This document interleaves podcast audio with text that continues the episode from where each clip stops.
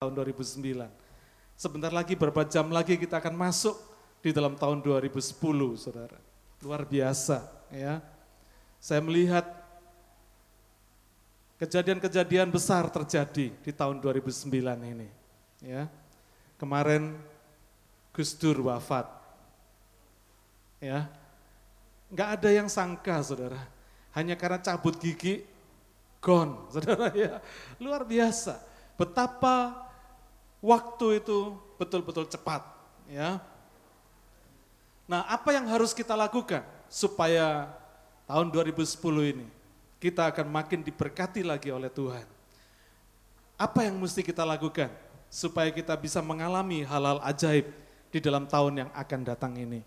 Maka perjalanan bangsa Israel adalah pelajaran yang baik buat kita semua. Sore hari ini kita akan belajar dari perjalanan Israel ini supaya kita tahu prinsip-prinsip apa yang Tuhan ingin supaya kita diberkati oleh Tuhan. Amin.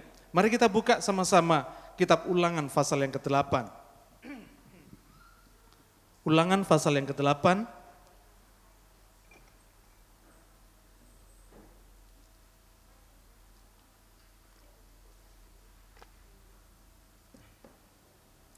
Kita akan baca ayat yang ke-11. Ulangan 8 ayat yang ke-11. Firman Tuhan berkata demikian, Hati-hatilah supaya jangan engkau melupakan Tuhan Allahmu dengan tidak berpegang pada perintah, peraturan, dan ketetapannya yang kusampaikan kepadamu pada hari ini. Saudara, perkataan ini diucapkan oleh Musa kepada orang Israel supaya bangsa Israel hidup hati-hati dan menjaga sikap hatinya kepada Tuhan supaya tidak melupakan Tuhan.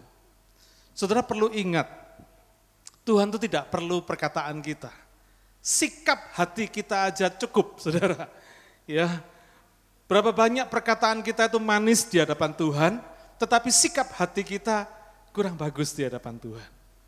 Saudara, Makanya Musa berkata, hati-hatilah, jangan lupakan Tuhan katanya.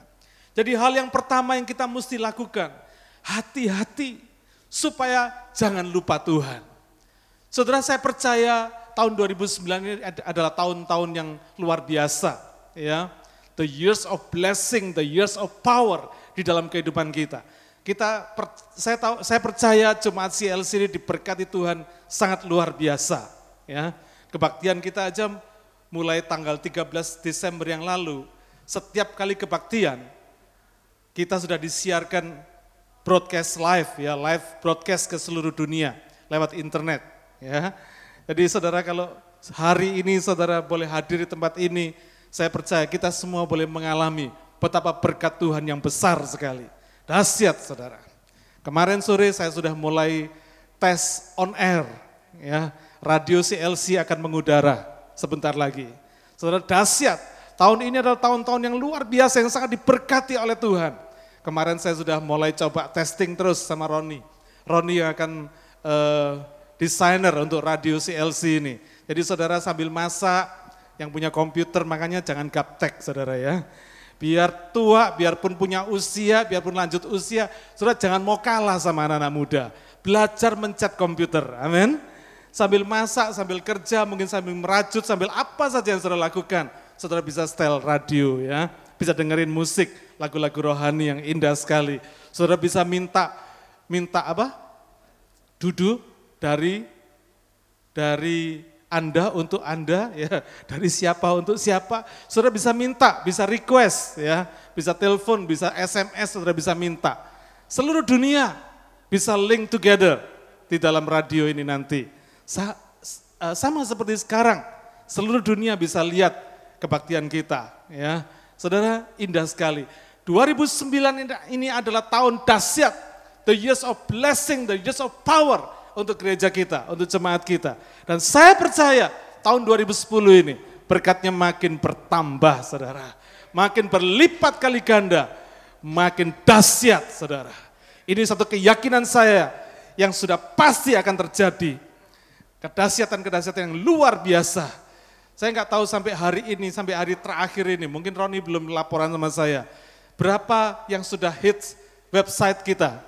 Tapi yang jelas bulan November lalu ada 10.197 orang yang sudah buka website kita.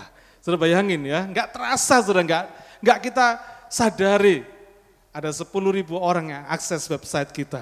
Kalau sudah ketik di Google, begitu sudah ketik CLC nomor satu terus saudara ya. Luar biasa itu menunjukkan betapa ratingnya besar sekali. Nah karena itu dikatakan oleh Musa kepada orang Israel, hati-hati jangan lupakan Tuhan. Saudara saya mau kasih tahu saudara, berkat besar itu adalah salah satu batu sandungan kita untuk bisa lupakan Tuhan. Saya mau tanya sama saudara, saudara makin berdoa, makin pada waktu saudara punya masalah atau tidak punya masalah?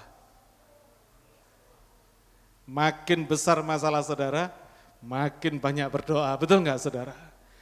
Tapi makin sedikit masalah saudara, saudara mungkin lupa, sering lebih banyak lupa berdoa.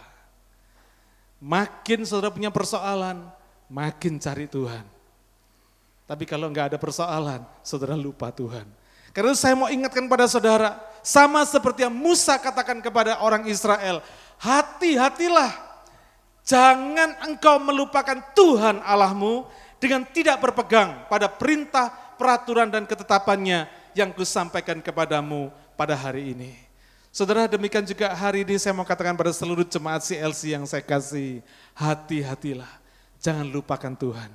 Di dalam segala berkat yang sudah Tuhan curahkan, di dalam hidup saudara dan saya, hati-hati, jangan lupakan Tuhan.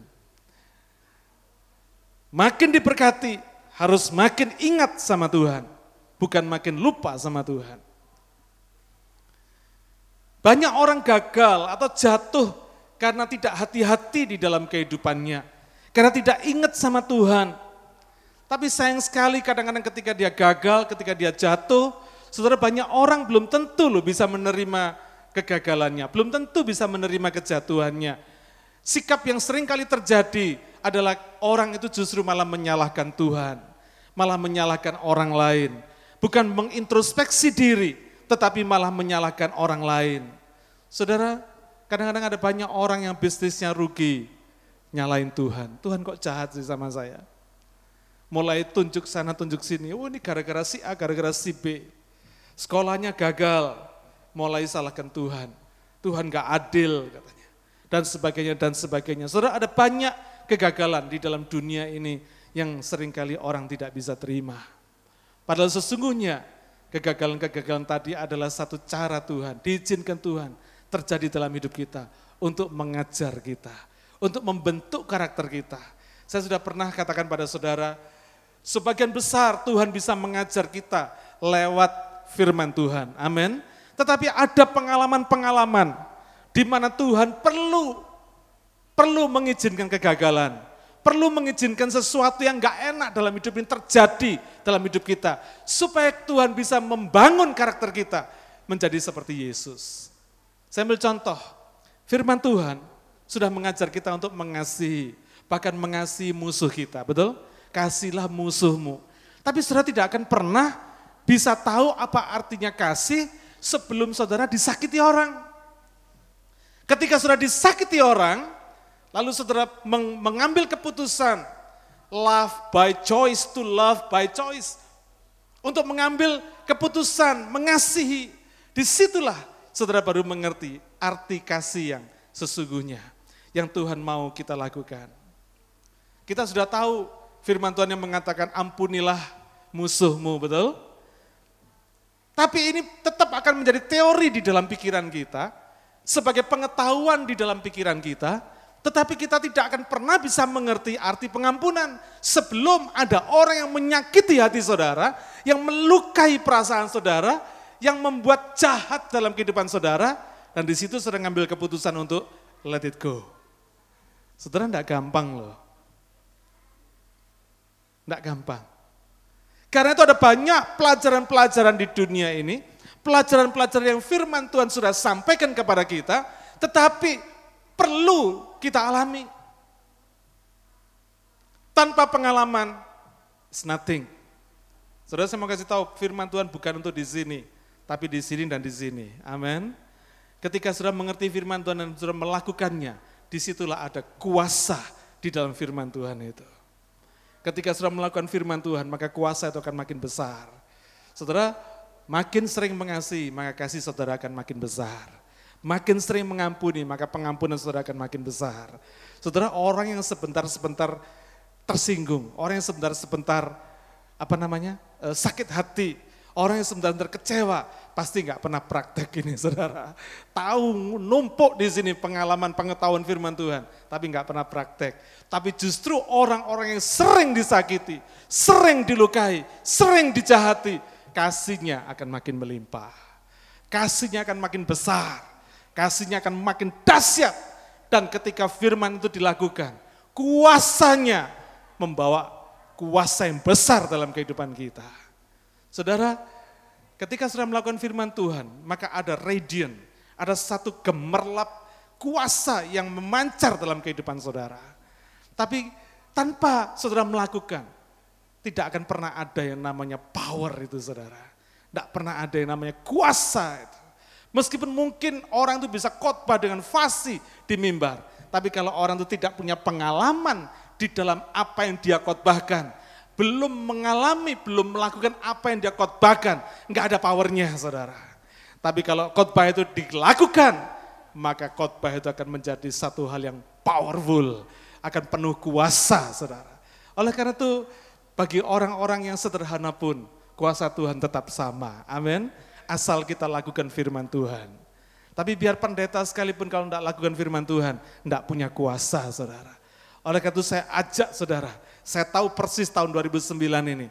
Kalau gereja kita mengalami terobosan-terobosan baru, mengalami breakthrough-breakthrough yang besar sampai hari ini. Siapa yang dulu pernah mengira? Ayo, waktu kita masuk tahun 2009, siapa yang pernah mengira bahwa kebaktian kita sekarang disiarkan ke seluruh dunia secara live? Tidak ada toh?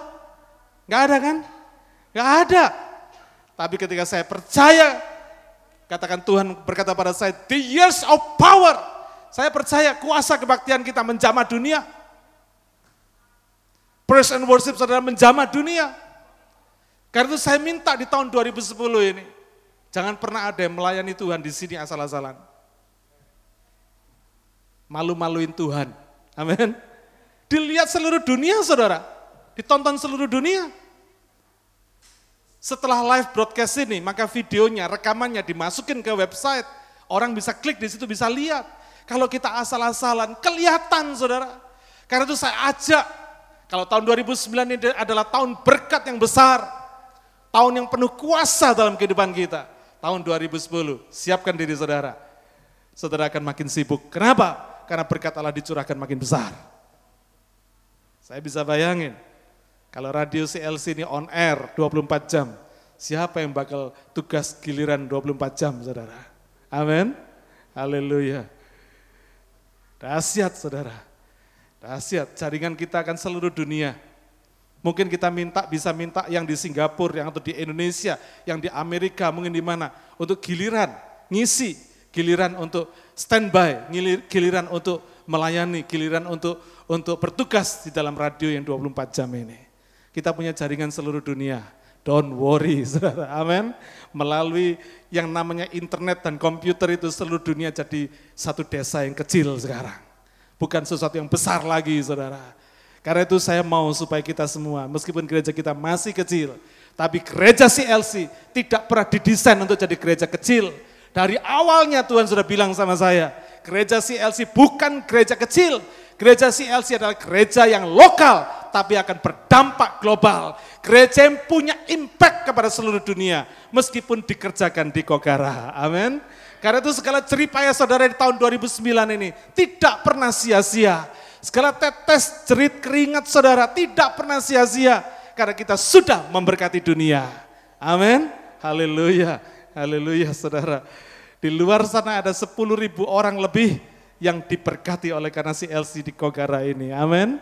Saudara, kita nggak perlu tahu. Kenapa? Karena kita nggak butuh kemuliaannya, betul nggak? Saya tidak perlu tahu siapa yang diberkati oleh karena kebaktian kita. Saya cuma senang ketika saya lihat ada 10 ribu orang yang yang apa akses website kita.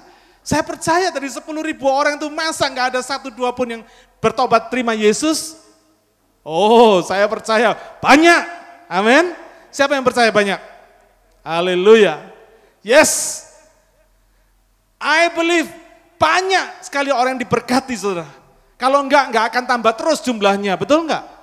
Saya tanya sama Roni, Ron, satu hari ada orang yang tanya gini, mungkin itu kebetulan om, katanya. Saya tanya sama Roni, Ron kebetulan enggak? Enggak. Menurut Roni enggak kebetulan, karena itu terus bertambah saudara. Mulai dari puluhan, ratusan, ribuan, terus naik terus. Berarti apa? Ada banyak orang yang diberkati dari mulut ke mulut. Lebih banyak, lebih banyak dan makin banyak lagi saudara.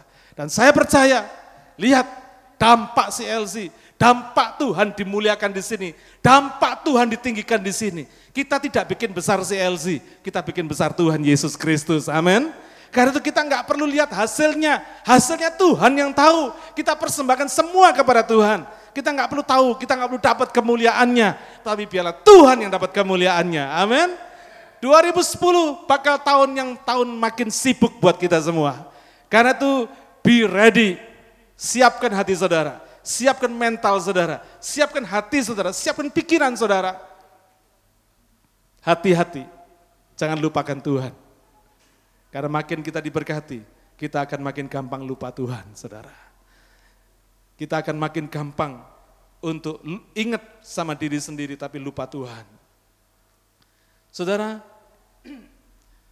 Alkitab mencatat lebih dari 300 kali kata-kata hati-hati dan berhati-hatilah ini.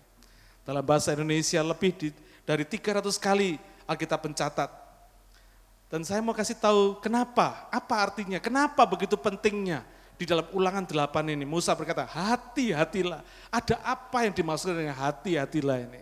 Dalam bahasa Inggris dikatakan beware, beware. Bahasa aslinya syamar, bahasa Ibraninya dikatakan syamar. Artinya apa? To be watchful, Artinya begini, Syamar ini men, melihat dengan teliti, mengamati dengan teliti, to be watchful itu. Ini seperti begini, seperti saudara ngajarin anak saudara umur 4 tahun berenang. Saudara tahu bahwa ada resiko anak saudara tenggelam, betul? Tetapi saudara tahu anak saudara mesti diajar berenang, diajar untuk berani sama air. Tetapi saudara tidak ngawur, Saudara ceburin anak saudara di kolam renang, tapi you are watching.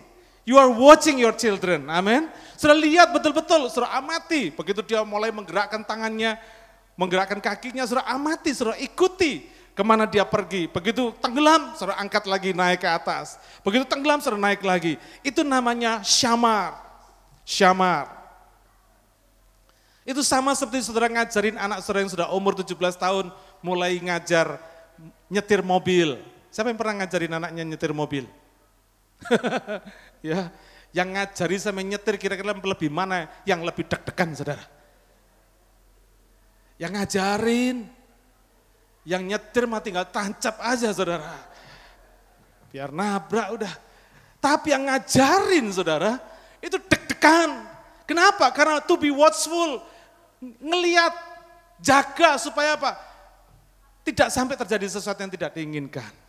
Tuhan kita tuh seperti itu saudara. Dengan kata syamar ini, maksudnya Musa itu mau mengatakan kepada kita, hey, to be watchful, hati-hati, perjalanan hidupmu ini penuh tantangan. Bukan tidak ada tantangan, penuh resiko. Ada bahaya-bahaya di sana. Ada hal-hal yang tidak diinginkan bisa terjadi di sana. Hati-hati, karena itu Tuhan mau supaya apa? Kita tidak lost contact dengan Tuhan. Makanya Musa berkata, ingat sama Tuhan. Jangan lupakan Tuhan. Ketika Allah watching saudara, belajar menghadapi hidup ini. Jangan pernah takut. Karena Tuhan menyertai hidup saudara. Dia tidak akan pernah lupa akan saudara. Mazmur 121. Mari kita lihat. Mazmur pasal 20, 121 ayat 1 sampai 8. Lihat firman Tuhan berkata apa? Aku melayangkan mataku ke gunung-gunung. Dari manakah akan datang pertolonganku? Pertolonganku ialah dari Tuhan yang menjadikan langit dan bumi. Ia takkan membiarkan kakimu goyah, penjagamu tidak akan terlelap. Sesungguhnya tidak terlelap dan tidak tertidur penjaga Israel. Tuhanlah penjagamu, Tuhanlah naunganmu, di sebelah tangan kananmu. Matahari tidak menyakiti engkau pada waktu siang atau bulan pada waktu malam, Tuhan akan menjaga engkau terhadap segala kecelakaan. Ia akan menjaga nyawamu. Tuhan akan menjaga keluar masukmu dari sekarang sampai selama-lamanya. Haleluya, saudara. Amin. Beware, saudara pernah pernah baca enggak? Beware of dog. Pernah? Tapi ini beware of God, bukan beware of dog. Artinya apa, saudara? Syamar ini artinya apa? There is someone, there is something watching you. Nangkap saudara? Kalau ada tulisan beware of dog, artinya, hey, hati-hati. Ada anjing yang ngawasin kamu. Begitu masuk, disikat sama anjing. Hati-hati, bisa bisa ada resiko begitu, betul nggak saudara? Nah karena itu Tuhan tahu bahwa perjalanan hidup kita ini, perjalanan yang ajaib.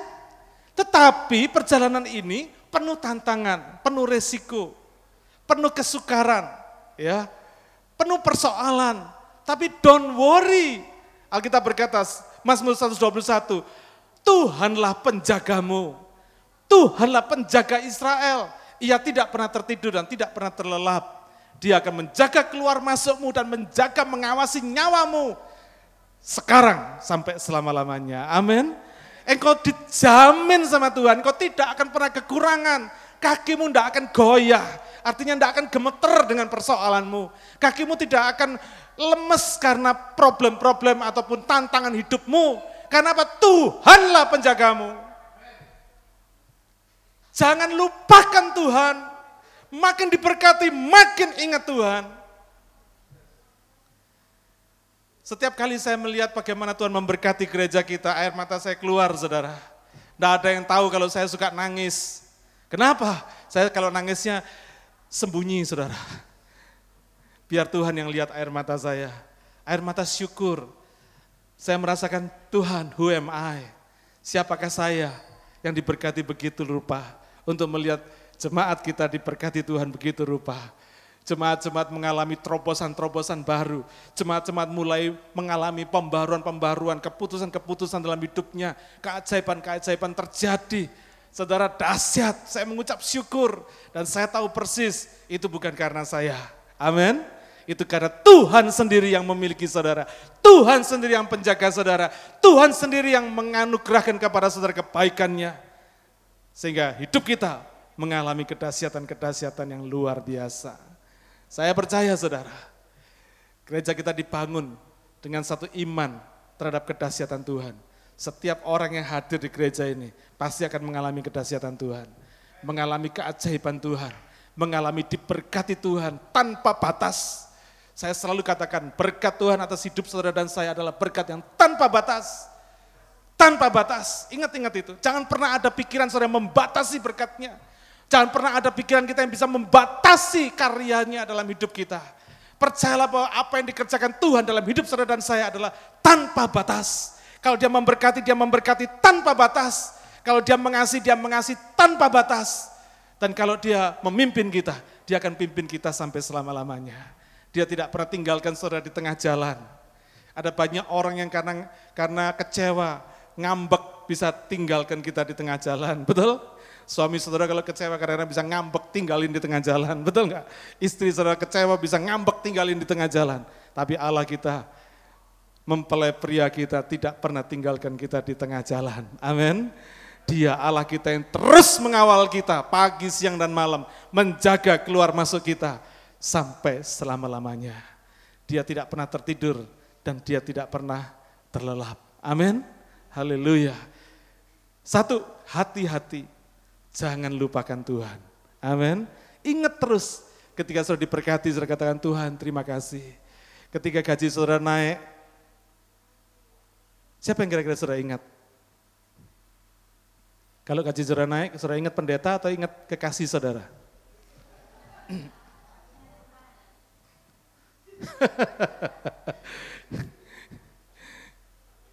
Saya cuma kasih lelucon aja saudara.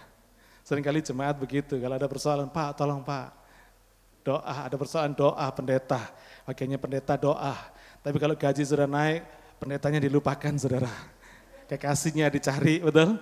Haleluya. Ini cuma cuk aja. Ya. Ingat Tuhan, hati-hati jangan lupakan Tuhan. Gaji naik nomor satu ingat Tuhan. Kasih perpuluhan sama Tuhan. Siapa kemarin yang cerita sama saya? Markus kalau nggak salah ya. Ada satu ibu di Mangga Mangga Besar, Mangga Besar ya, di Mangga Dua, Mangga Besar. Saudara ibu ini belum kenal Tuhan. Orang Buddha belum percaya Yesus dulunya ya. Tapi dia setia kasih perpuluhan saudara. Dari usaha kecil dia mulai kasih perpuluhan. Dia kalau ke gereja cuma titip amplop kasih perpuluhan. Ceritanya Markus. Mulai dari yang kecil dia kasih perpuluhan, terus kasih perpuluhan. Sampai sekarang sudah diberkati Tuhan luar biasa. Tokonya banyak sekali, beli sana, beli sini, itu di mana-mana dibeli semua sama dia. Dahsyat. Akhirnya dia sadar, iya ya, ini semua karena Tuhan. Dan dia sekarang percaya Tuhan Yesus. Ya betul ya Gus ya? Dia percaya Tuhan sekarang saudara. Ini kejadian benar, mau ketemu orangnya bisa di Jakarta. Saudara coba lihat, orang gak kenal Tuhan, Oh udah mati? Saudara, orang yang gak kenal Tuhan, karena memberi, melakukan firman Tuhan, diberkati oleh Tuhan. Ajaib Tuhan itu ya. Firmannya itu diberikan kepada semua orang yang percaya. Kalau percayakan firman Tuhan, berkatnya ada di sana. Saudara, kalau orang yang gak kenal Tuhan, yang gak percaya Yesus, tapi percaya kalau bayar perpuluhan itu bisa diberkati oleh Tuhan. Lakukan dengan setia, diberkati loh saudara. Apalagi kita anak-anaknya yang percaya. Kalau kita lakukan firman Tuhan, pasti diberkati. Amin. Pasti diberkati. Saya percaya. Tuhan itu memberkati kita dahsyat, luar biasa. Amin. Nomor satu, hati-hati. Jangan lupakan Tuhan. Ya, hati-hati. Jangan lupakan Tuhan. Kebaikan Tuhan selama-lamanya dalam hidup kita, saudara. Tahun 2009 adalah tahun yang penuh keajaiban. Tahun 2010 adalah tahun yang berlipat kali keajaiban Tuhan. Karena itu khotbah saya sore hari ini saya beri judul Perjalanan Hidup yang Ajaib. Saya percaya hidup jemaat CLC adalah hidup yang ajaib. Perjalanan hidupnya pasti ajaib. Haleluya. Saya yakin saudara, saya percaya apa yang Tuhan sudah berikan, dia tidak akan pernah gantikan lagi. Saudara, kenapa kata hati-hati ini diterjemahkan dalam bahasa Inggris beware? Because somebody is watching you. Tuhan is watching you. Tuhan melihat saudara, melihat sikap hati kita, melihat pikiran kita, melihat apa aja yang ada di dalam hati kita. Saudara manusia bisa dikibulin, Tuhan tidak bisa dikibulin. Amin. Tuhan lihat hati kita. He is watching you.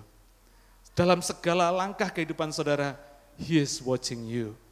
Saudara mikir jelek dikit, He is watching you. Beware, Shamar, He is watching you. Amin. Jangan lupakan Tuhan. Yang kedua, saudara. yang yang kedua, Mari kita baca kitab ulangan pasal 8, lanjutannya, ayat 12 sampai dengan ayat yang ke-16. Ya. Yang pertama tadi hati-hati jangan lupa sama Tuhan, jangan lupakan Tuhan. Yang kedua, jangan tinggi hati, hati-hati jangan sombong, kira-kira begitu. Mari kita baca, ulangan pasal 8 ayat 12 sampai 16. Dan supaya apabila engkau sudah makan dan kenyang, mendirikan rumah-rumah yang baik, serta mendiaminya, dan apabila lembu sapimu dan kambing dombamu bertambah banyak, dan emas serta perakmu bertambah banyak, dan segala yang ada padamu bertambah banyak, sudah lihat di sini ya, jangan engkau tinggi hati, sehingga engkau melupakan Tuhan Allahmu, yang membawa engkau keluar dari tanah Mesir dan rumah perbudakan, dan yang memimpin engkau melalui padang gurun yang besar dan dahsyat itu dengan ular-ular yang ganas serta kala jengkingnya dan tanahnya yang gersang yang tidak ada air. Dia yang membuat air keluar bagimu dari gunung batu yang keras dan yang di padang gurun memberi engkau makan mana yang tidak dikenal oleh nenek moyangmu supaya direndahkannya hatimu dan dicobainya engkau. Dalam terjemahan bahasa Inggris dikatakan he might prove you. He test you hanya untuk berbuat baik kepadamu pada akhirnya. Saudara, peringatan kedua yang Musa berikan kepada orang Israel dikatakan hati-hati, jangan tinggi hati, jangan sombong. Saudara, seperti tadi saya katakan, kalau orang itu hidup di dalam Tuhan dengan sungguh-sungguh, dia tidak makin kurang, tapi makin bertambah-tambah. Amin. Firman Tuhan katakan di sini, supaya apabila engkau sudah makan dan kenyang, mendirikan rumah-rumah yang baik serta mendiaminya, dan apabila lembu sapimu dan kambing dombamu bertambah banyak, dan emas perak serta emas serta perakmu bertambah banyak, dan segala yang ada padamu bertambah banyak, ini prinsipnya saudara. Tidak pernah ada orang yang ikut Tuhan sungguh-sungguh makin melarat, tidak pernah ada. Tidak pernah ada ceritanya saudara. Orang yang ikut Tuhan hidupnya diperbarui terus oleh Tuhan. Berkatnya baru terus. Tidak pernah dia makin kekurangan. Kalau ada yang kekurangan itu mesti perlu mikir, what's wrong with me? Ya, Mungkin ada yang salah saudara, mungkin ada firman Tuhan yang tidak saudara taati. Firman Tuhan katakan supaya kalau semuanya makin bertambah, mercy saudara makin bertambah, deposito saudara makin bertambah, berlian saudara makin bertambah, semuanya jangan lupa jangan tinggi hati. Jangan engkau tinggi hati sehingga engkau melupakan Tuhan. Saudara, salah satu sebab kenapa orang lupa Tuhan, karena apa? Sombong. Penyakit sombong ini enggak kelihatan. Diam-diam bisa sombong. Sampai ada orang yang menyombongkan kerendahan hatinya. Saya kenal, ada orang yang sungguhan saudara. Ini saya kenal benar. Tiap kali dia ngomong begitu, saya katakan, kamu sedang menyombongkan kerendahan hatimu. Terkadang orang bisa ngomong, masa lu nggak lihat kalau gua ini rendah hati? Masa sih lu nggak lihat kalau gua ini rendah hati? Kira-kira orang begini rendah hati nggak saudara? Enggak. Boro-boro rendah hati. Enggak rendah hati saudara. Orang yang rendah hati itu nggak pernah mikir, tapi orang lain yang bisa menilai, orang lain yang bisa lihat, orang ini rendah hati orang ini. Tidak pernah dia berpikir, eh gue ini rendah hati ya, Tuhan, oh haleluya, thank you Tuhan. Ternyata saya rendah hati sekarang Tuhan ya, puji Tuhan. Saudara orang rendah hati nggak akan ngomong begitu. Orang rendah hati nggak pernah merasa dirinya rendah hati.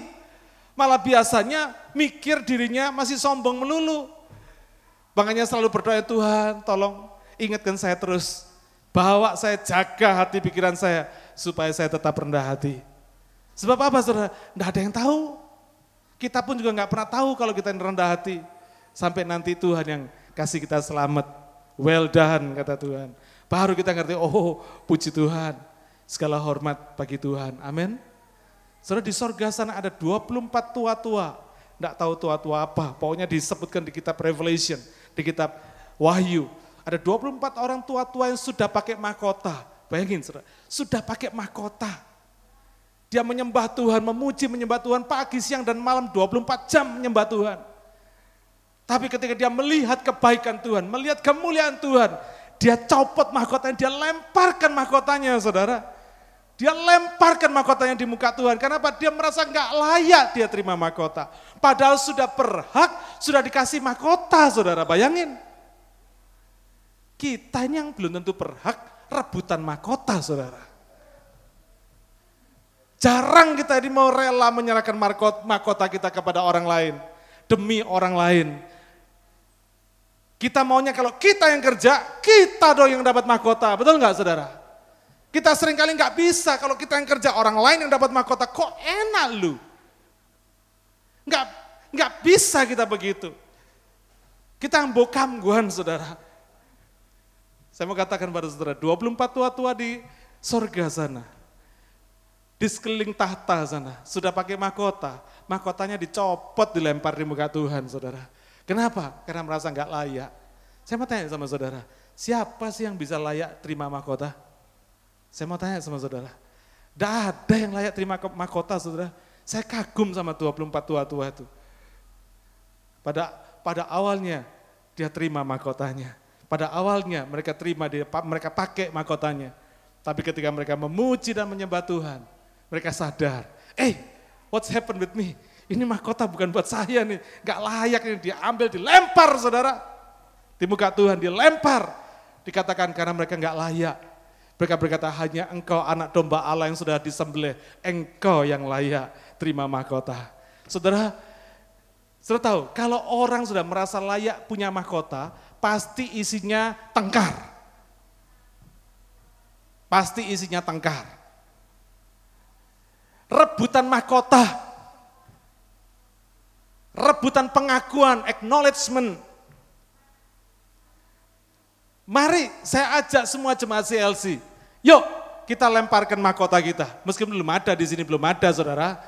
Tapi kan dia kata ada pun, biar mahkotanya kecil, besar, tanggung, kita lemparkan mahkota itu. Amin. Supaya kita nggak rebutan, saudara. Supaya kita nggak rebutan pengakuan, nggak rebutan penghargaan. Apa pun yang kita kerjakan, biar nggak dihargai sekalipun, kita percaya God is watching us. Amin. God is watching us. Haleluya. Jangan pernah takut nggak dihargai orang, tapi takutlah nggak dihargai Tuhan. Seringkali yang kita gegerkan urusan gak dihargai orang. Di mana harga diri saya? Hmm, ya tak? Kayaknya kan gitu saudara kalau orang tersinggung. Hmm, hmm. Kan gitu saudara ya. Itu gayanya orang yang tersinggung saudara. Mana harga diri saya? Kok enak katanya. Bukan guan saudara. Saudara, mari kita buang yang begitu-begituan. Gak laku di, di sorga, gak, gak laku saudara. Yang laku cuma di bumi ini, betul nggak saudara ya? Yang begitu-begitu yang tersinggung lah, sakit hati, kecewa, negatif thinking, buang. Amin. Itu nggak akan pernah bikin saudara jadi maju.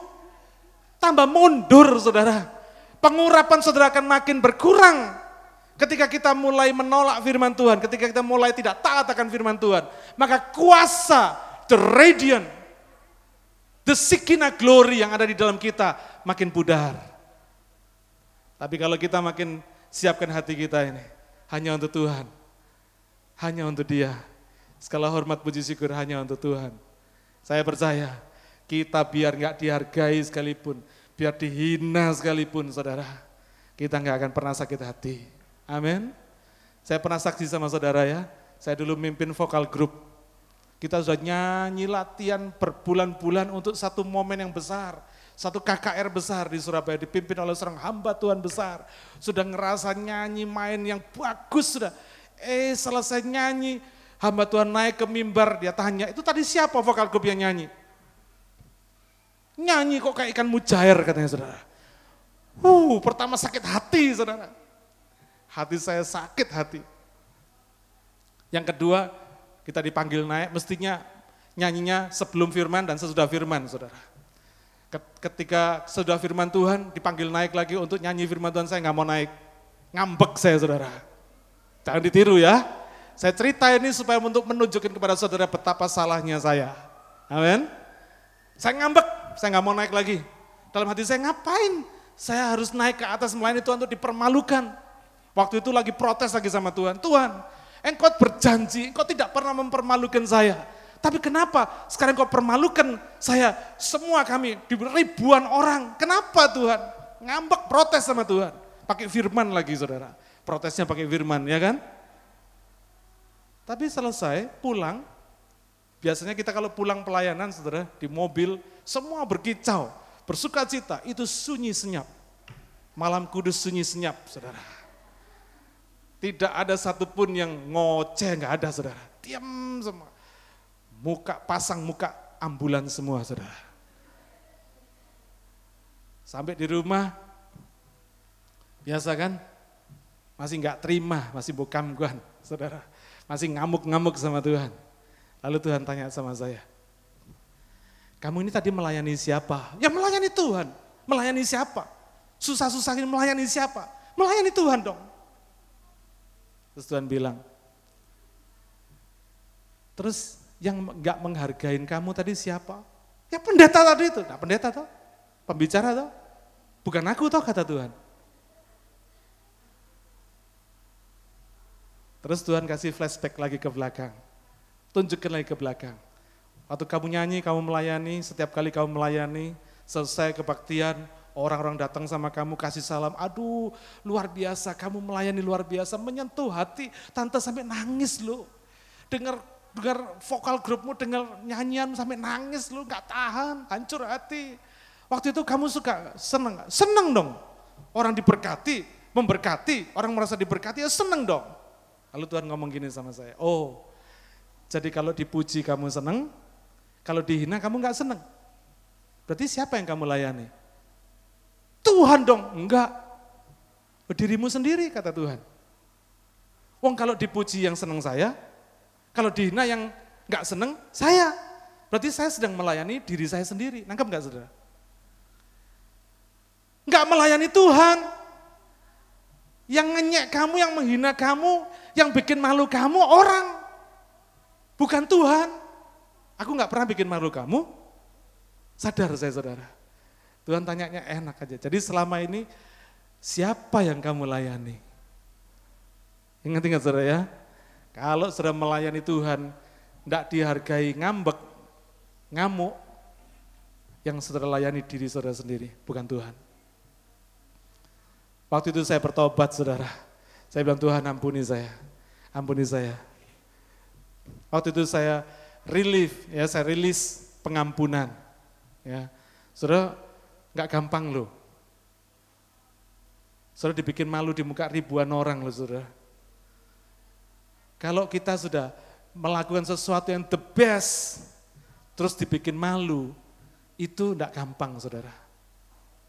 Saya ini orang perfeksionis, saya nggak pernah lakukan sesuatu yang asal-asalan. Apa yang saya lakukan? Kalau bisa saya lakukan yang the best. Kenapa? Saya nggak mau malu sama diri saya sendiri. Tapi ketika saya sudah melakukan yang the best, lalu dipermalukan, di muka orang banyak, ribuan orang itu KKR, KKR besar. Hamba Tuhan terkenal. Gak gampang saudara. Tapi ketika saya rilis pengampunan, hati saya penuh sukacita.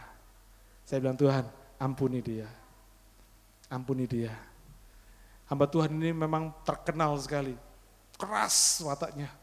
Dia kalau negur orang, bikin malu orang, dia nggak tanggung-tanggung saudara. Tapi kita nggak peduli itu semua, amin. Kalau saudara melayani Tuhan, layani dengan hati saudara.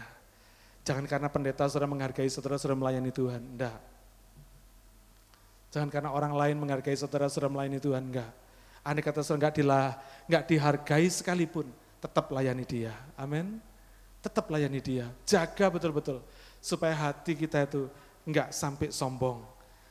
Jangan sampai kita tinggi hati, jangan engkau tinggi hati sehingga engkau melupakan Tuhan Allahmu yang membawa engkau keluar dari tanah Mesir, dari rumah perbudakan.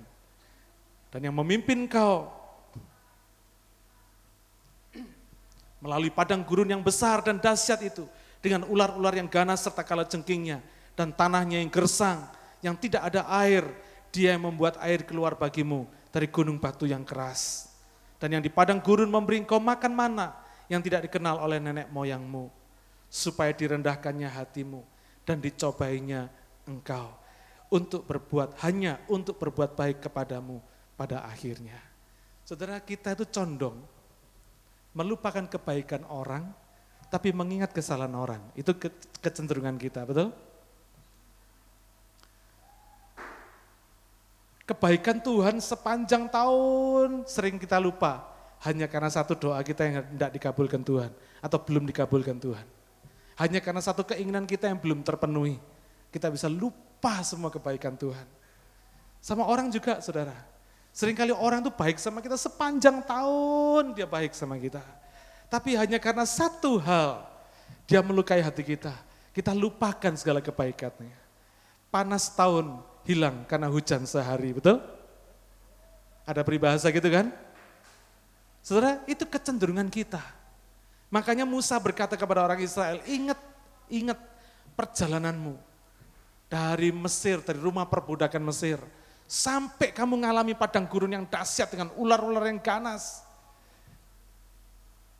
Sampai kamu makan mana, lapar kasih mana yang tidak pernah dikenal oleh nenek moyangmu, kata Musa.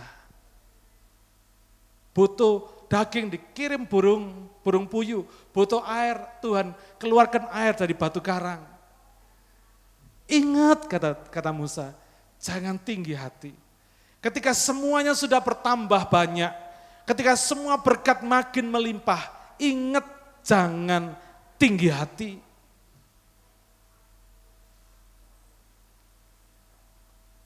Seringkali suami istri juga begitu. Suami istri itu bertengkar bukan pada waktu melarat. Pada waktu suki. Pada waktu kaya, pada waktu sudah diberkati. Suami lupa istri, istri lupa suami. Waktu dulu masih nggak punya, aduh mam, kita mati-matian banting tulang mam ya. Supaya kita sukses. Si istri bilang, Oke pap, don't worry, saya siap banting segala tulang-tulang saya, kata istri ya.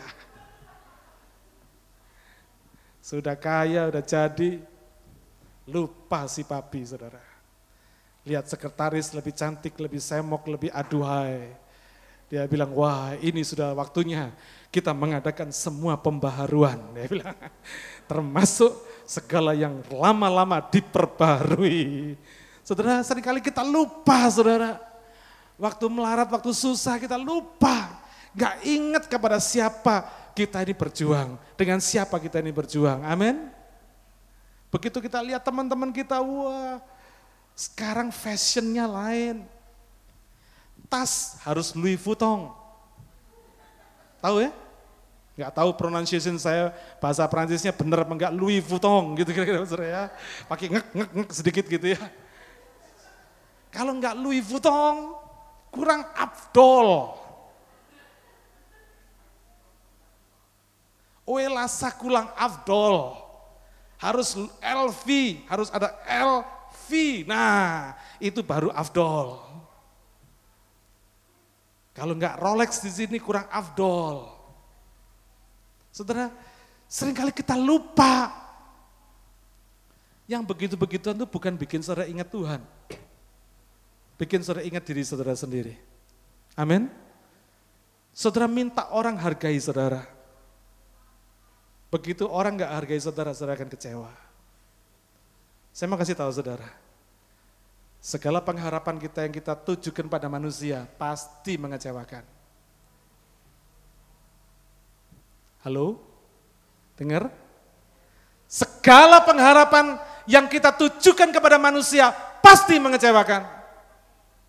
Tapi segala pengharapan yang kita tujukan kepada Tuhan, dia tidak pernah mengecewakan. Sebaik apa pun suami saudara, pasti mengecewakan. Sebaik apa pun istri saudara, pasti mengecewakan. Sebaik apa pun pendeta saudara, pasti mengecewakan. Sebaik apa pun anak saudara, orang tua saudara, pasti mengecewakan. Karena apa? Manusia. Mereka bukan malaikat. Betul? Tapi pengharapan kita kepada Tuhan tidak pernah mengecewakan. Dia selalu memuaskan kita. Amin. Oleh karena itu saudara, jangan tinggi hati. Tinggi hati itu bikin kita menuntut orang lain untuk melakukan sesuatu yang kita suka. Bukan melakukan sesuatu yang supaya orang lain suka, tapi nuntut orang lain untuk melakukan sesuatu yang kita suka. Itu ciri ketinggian hati, ciri kesombongan. Mestinya kita berpikir apa yang bisa aku lakukan supaya orang lain suka. Itu rendah hati.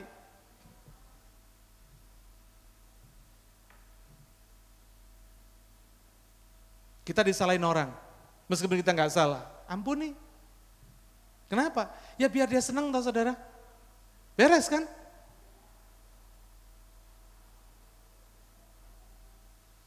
Asal dia seneng, go ahead. Itu orang rendah hati saudara. Gua nggak salah kok. Ya nggak apa-apa lah. Yang penting dia happy. Itu orang rendah hati. Tapi orang yang tinggi hati, kok enak? Gua nggak salah kok. Lu yang harus minta maaf gua, bukan gua yang minta maaf sama lu. Saudara itu orang tinggi hati. Orang yang tinggi hati menuntut orang lain melakukan sesuatu yang aku suka. Saudara, saya mau kasih tahu saudara. Hidup ini apa yang kita suka itu relatif sekali. Hari ini saudara suka makan bakso. Ayo saya kasih bakso terus tiap hari. Mau? Saudara kan nolak-nolak saudara. Saya bilang, loh katanya kamu mau, kamu suka. Tapi begitu dikasih terus, jadi nggak suka lagi saudara, betul nggak? Suka apa yang kita suka itu relatif banget saudara. Dan tergantung sekali bagaimana situasi kondisinya. Karena itu di dalam hidup ini Tuhan tidak selalu kasih apa yang kita suka, tapi apa yang kita perlu itu yang Tuhan kasih. Saudara suka dipuji orang? Suka enggak? Enggak ada yang jawab, uh, rendah hati banget saudara. Haleluya. Suka kan? Kita nggak munafik saudara, siapa yang nggak suka dipuji orang sih? Cewek apalagi dipuji, aduh kamu cantik ya, suka saudara. Biar cowok dipuji kamu ganteng, pasti suka, betul nggak? Suka, kita suka dipuji orang. Tapi jangan berhenti sampai suka dipuji orang aja. Biarlah kita suka memuji orang. Amin. Apa yang Tuhan kasih sama kita belum tentu apa yang kita suka. Karena Tuhan tahu. Coba kalau tiap hari sudah dipuji orang. Orang yang sama memuji saudara. Lu cantik ya hari ini. Saudara pertama dipuji senang, berbunga-bunga, lihat kaca. Saudara yakinkan diri saudara betul-betul cantik. Kalau dia tiap hari ketemu saudara, tiap jam ketemu saudara bilang, lu cantik, lu cantik, Lama-lama saudara nak saudara. Enggak kesenangan saudara dipuji dia. Mungkin saudara berkata, sencing ping. Saudara akan berkata begitu. Kenapa? Karena saudara tahu dia mujinya bukan dari hati, betul enggak? Cuma nyenengin saudara. Saudara di dunia ini ada banyak orang ketika dia suka saudara melakukan sesuatu, dia akan lakukan sesuatu supaya apa saudara seneng. Belum tentu loh, belum tentu dari hati loh saudara. Belum tentu. Amin. Karena tuh Tuhan selalu gak pakai apa yang kita suka. Tuhan kasih apa yang kita perlu. Sekali dikasih pujian, sekali dikasih penghinaan, komplit kata Tuhan. Vitamin A sampai Z ada semua. Amin. Hidup ini adalah penuh dengan apa yang Tuhan kasih untuk sesuatu yang kita perlu. Karena itu siapkan hati saudara Siapkan mental saudara, siapkan pikiran saudara. Tahun 2010 akan jadi tahun yang lebih dahsyat dari tahun 2009. Siapkan saudara, saudara akan makin sibuk, makin diberkati, makin bertambah-tambah. Tapi juga jangan lupa, jangan lupakan Tuhan. Yang kedua apa? Jangan tinggi hati. Amin saudara. Kemarin saya dapat berita yang bikin saya terkejut sekali seorang teman saya. Dia dulu termasuk jagoan. Ya, tukang berantem juga model kayak saya. Lalu dia termasuk Casanova, saudara, karena wajahnya ganteng. Kalau ada cewek, saudara, pasti yang dipilih dia. Pasti bukan saya yang dipilih, pasti dia. Karena apa? Ganteng, tinggi, badan besar, langsing kayak atletik, ngomongnya enak. Aduh, saya bilang sama dia. Saya bilang sama dia, lu kok bisa sih ngomong sama cewek kayak begitu kok hebat lu. Lu belajar dari mana lu ngerayu kayak begitu saya bilang. Hebat saudara. Tiap minggu dia bisa milih cewek untuk date, untuk pacaran. Saya bilang lu hebat sekali lu. Gila saya bilang. Tidak ada cowok kayak model kayak lu, betul-betul lu ini cowok idaman saya bilang. Betul saudara, di antara kita para teman-teman semua mengakui dia is the best. Gitu saudara ya. Oh, mau tiap Sabtu mau ngedit cewek tinggal milih saudara. Saya mau pilih sama anak, si A, si B, milih saudara, bisa bayangin. Dan cewek yang di dia bukan cewek yang yang biasa-biasa. Cewek yang lumayan, cantik-cantik saudara ya. Sampai teman-teman bilang begini, yalah kita ini dapat orang-orang sudah bilang keren-kerennya dia aja katanya saudara. Jadi kalau sampai dia tidak mau ya kita terima dengan senang hati kira-kira begitu. Saudara. Saking gak gampang dapetin cewek, dia aja gampangnya dapet cewek saudara. Kemarin saya dapat kabar meninggal saudara. Waktu saya pulang terakhir, saya insist mau ketemu sama dia. Teman-teman bilang, lu ngapain cari dia? Udahlah, biar itu nggak bisa diatur orang itu sudah. Nggak karu-karuan. Enggak, saya mau kepingin ketemu sama dia. Lu cari sampai ketemu. Teman-teman saya itu baik sama saya, saudara. Biar sibuk, biar bos-bos gitu, dia baik sama saya. Mereka cari ketemu di kebun, di desa, di Kabupaten Kediri sana. Semalam dibawa ketemu sama saya. Begitu ketemu sama saya, kaget saya saudara. Kenapa? Wajah yang dulunya begitu ganteng, tua sekali saudara. Ternyata dia punya penyakit banyak sekali. Kemarin dia meninggal. Tapi saya bersyukur dia sempat dengar firman Tuhan. Amin. Saya kayak punya firasat saudara. Saya bilang pokoknya lu cari dia sampai ketemu. Saya nggak mau tahu, pokoknya lu cari sampai ketemu. Gue pengen ketemu sama dia. Sempat ketemu, saya suruh duduk dia di samping saya. Saya ceritain macam-macam. Dia cuma iya, iya, iya, iya. Lain banget dulu saudara. Dia kelihatan seperti orang umur 80 tahun. Karena penyakitnya. Ada kanker otak, kanker paru-paru, gagal ginjal, kanker lambung, diabetes komplit saudara. Saya kaget. Saudara dalam hidup ini tidak ada yang kekal. Cuman iman pada Yesus yang bikin semuanya jadi kekal. Yang hebat bisa hilang. Amin. Saya kaget sekali ketika saya ketemu sama dia. Dia begitu tua. Begitu susah. Padahal dia dulu dikejar-kejar cewek banyak, saudara. Luar biasa. Karena itu saudara, kalau kita ingat Tuhan, Tuhan gak pernah lupakan kita. Manusia gampang lupakan kita, tapi Tuhan tidak pernah lupakan kita. Karena itu saya percaya, kalau dari tahun 2009 ini, sepanjang tahun dari hari pertama sampai hari terakhir, Tuhan ingat saudara dan saya. Tahun 2010, Tuhan pasti ingat kita lagi. Karena dia tidak pernah berubah. Dari hari pertama sampai hari terakhir dia tidak pernah berubah. Amin. Saudara, apa yang menjadi kebanggaan saudara hari ini? Mungkin tahun depan sudah nggak dibanggakan lagi. Hari ini mungkin Louis Vuitton jadi kebanggaan saudara. Hidup yang bergemerlapan jadi kebanggaan saudara. Tahun depan belum tentu saudara. Belum tentu jadi kebanggaan saudara. Tapi kalau hari ini saudara banggakan Tuhan, tahun depan makin banggakan Tuhan. Tuhan akan membanggakan saudara. Amin. Saya rindu supaya tahun ini kita tutup dengan hati yang penuh syukur. Terima kasih sama Tuhan. Kalau hari ini kita bisa, bisa hidup menyelesaikan hari terakhir tahun 2009. Dan saya juga rindu kita punya hati yang percaya bahwa tahun 2010 adalah tahun berkat buat kita semua. Tahun yang sudah disiapkan Tuhan untuk mengalami perjalanan hidup yang ajaib.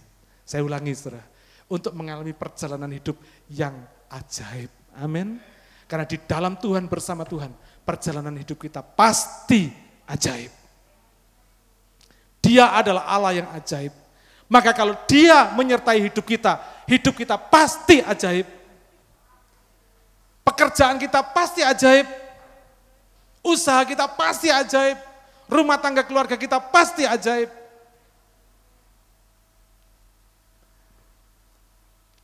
Saya mau kasih tahu saudara satu hal, prinsip penting. Saudara ingat, ketika di Taman Eden, Adam sendirian, Tuhan berkata apa? Tidak baik manusia itu seorang diri saja, betul enggak? Itu Adam belum berbuat dosa loh saudara. Belum ada dosa di sana. Even tem di tempat dan di saat, di keadaan yang belum ada dosa sekalipun, Tuhan berkata, tidak baik manusia di seorang diri saja. Dengan kata lain, manusia tidak pernah didesain untuk jadi orang individualis.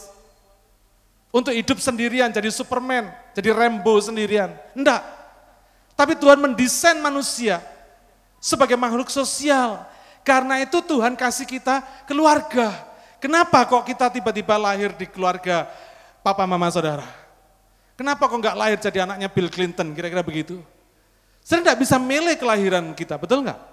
Saya tidak bisa milih kenapa sudah lahir di suku Tionghoa, ataupun mungkin suku uh, apa Jawa, ataupun mungkin suku apa. Saya nggak pernah bisa memilih sudah mau lahir di suku apa, di bangsa apa. Bangsa Indonesia sudah nggak pernah milih, nggak bisa. Kenapa? Karena Tuhan sudah menetapkan kita untuk menjadi bagian dari sebuah komunitas. Komunitas sebuah keluarga, komunitas sebuah suku, komunitas sebuah bangsa, komunitas sebuah gereja. Karena itu saya percaya orang-orang yang ditaruh Tuhan di gereja ini, itu adalah Tuhan yang menetapkan. Kita salah pikiran kita sering kali. Gua mau pilih gereja ini. Eh, saudara gereja itu gerejanya siapa? Gereja Tuhan Yesus. Seberapa powernya saudara, seberapa kuasanya saudara memilih gerejanya Tuhan Yesus? Enggak, kebalik pikiran kita. Tuhan yang tetapkan kita di dalam sebuah gereja.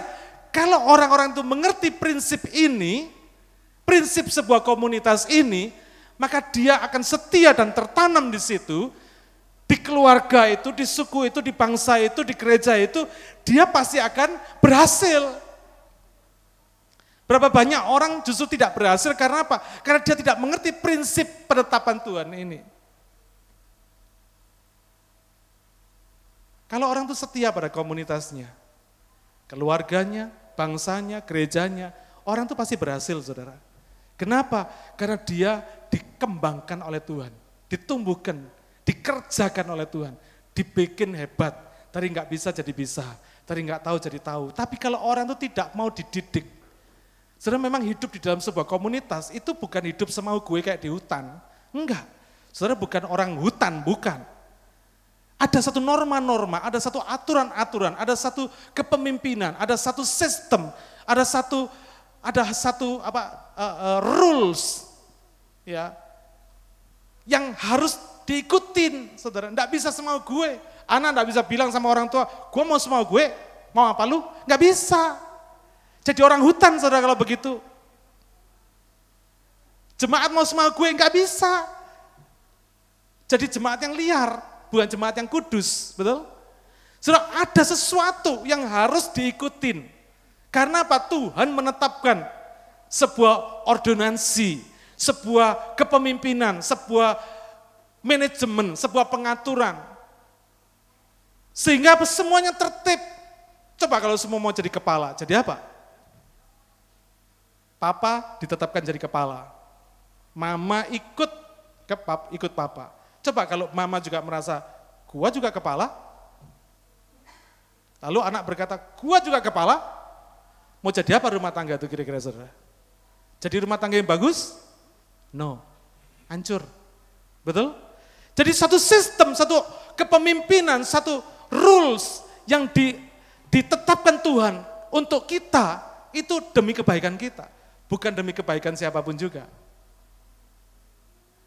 Karena itu bagi orang yang bisa mengerti prinsip penetapan Tuhan ini, hidupnya pasti bahagia.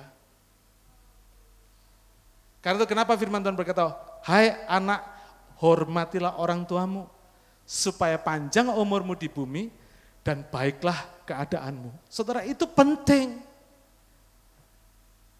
Begitu saudara tidak mengikuti prinsip ini, begitu kita terus berkata, no, saya maunya sendiri, saudara lepas dari covering, lepas dari janji Tuhan. Saya khawatir kita akan mengalami hal yang gak baik. Amin. Karena itu pesan saya, marilah kita masuk tahun 2010 ini dengan hati yang rendah hati. Amin. Bersedia masuk di dalam kepemimpinan Tuhan yang dikerjakan melalui orang-orang yang sudah ditetapkan Tuhan dalam hidup kita ini. Suami ditetapkan untuk memimpin istri, orang tua ditetapkan untuk memimpin anak, pendeta ditetapkan untuk memimpin jemaat. Semua ada aturannya, saudara. Kalau ini semua diikuti, enak kita. Amin. Enak kita. Dan saya merasa, saya berterima kasih sekali kepada jemaat di sini. Kepada seluruh pemimpin yang ada di gereja ini. Saya merasa kita semua punya bagian masing-masing. Amin. Enggak susah saudara. Enggak berat. Semua itu ditetapkan Tuhan supaya kita sama-sama ringan. Bukan sama-sama berat. Amin. Karena itu mari kita lanjutkan sikap hati yang sudah benar di hadapan Tuhan. Segala yang baik kita tambah-tambahkan. Yang belum baik bertobatlah. Mari kita perbaiki diri. Mari kita introspeksi diri. Supaya kita jangan lupakan Tuhan dan jangan tinggi hati. Amin. Kita berterima kasih untuk selesainya tahun 2009 ini. Kita menanti dengan pasti berkat yang lebih besar, lebih dahsyat, lebih ajaib dalam perjalanan hidup di tahun 2010. Amin. Tahun depan bakal ada banyak yang melahirkan babies di sini, saudara. Tahun depan jemaat kita akan penuh dengan babies cry, saudara. Wang, wang, wang. Rame, saudara. Ya, haleluya, haleluya, puji Tuhan. Amin. Mari kita berdoa. Haleluya.